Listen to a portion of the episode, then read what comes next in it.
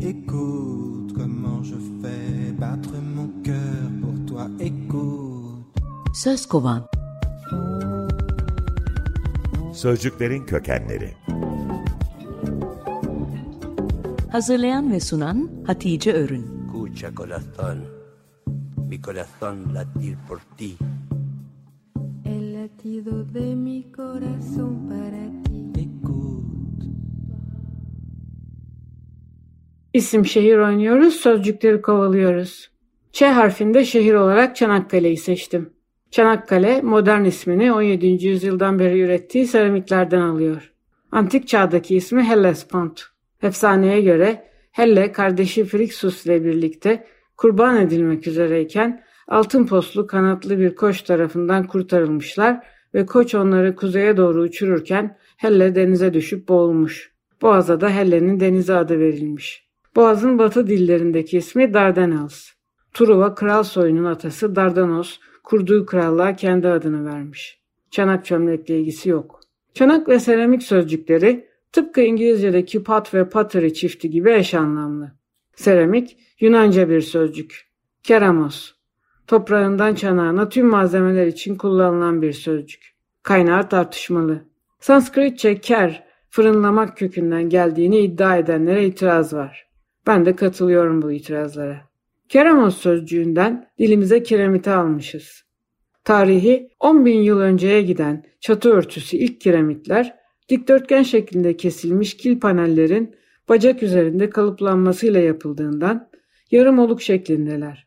Olunun alt çapı üst çapından küçük olduğu için üst üste bindirilerek dizilmiş ve yağmurun saçaklara doğru akması sağlanmış.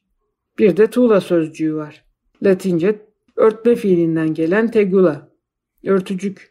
Az önce tarif ettiğim çatı kiremiti. Bizim anladığımız dikdörtgenler prizması tuğla değil.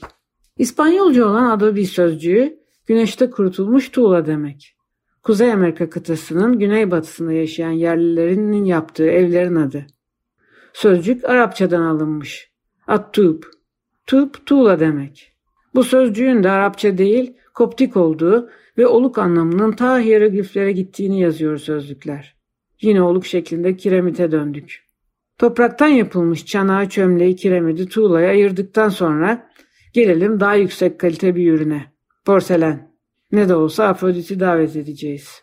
Porselen çok ince kil ile yapılan, içine kemik tozu da katılan yarı şeffaf da olabilen bir seramik. Bu haftanın Çin'den gelme ürünü. Diğer dillerde kısaca China yani Çin deniyor. China sözcüğünü çanağa bağlayanlar bile var. Ben o kadar ileriye gitmiyorum. Porselen sözcüğü Fransızca.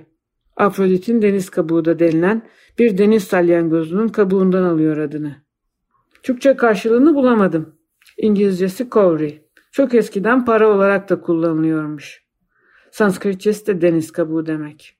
İtalyancası porcella. Domuz yavrusu. Deniz kabuğunun şekli domuzun arkasına benzediği için. Bakarsanız ne dediğimi anlarsınız.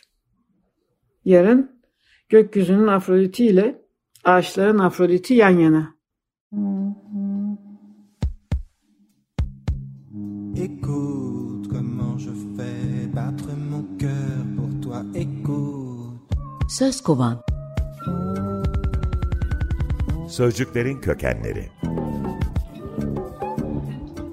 Hazırlayan ve sunan Hatice Örün. Escucha corazón, mi corazón latir por ti. El latido de mi corazón para ti.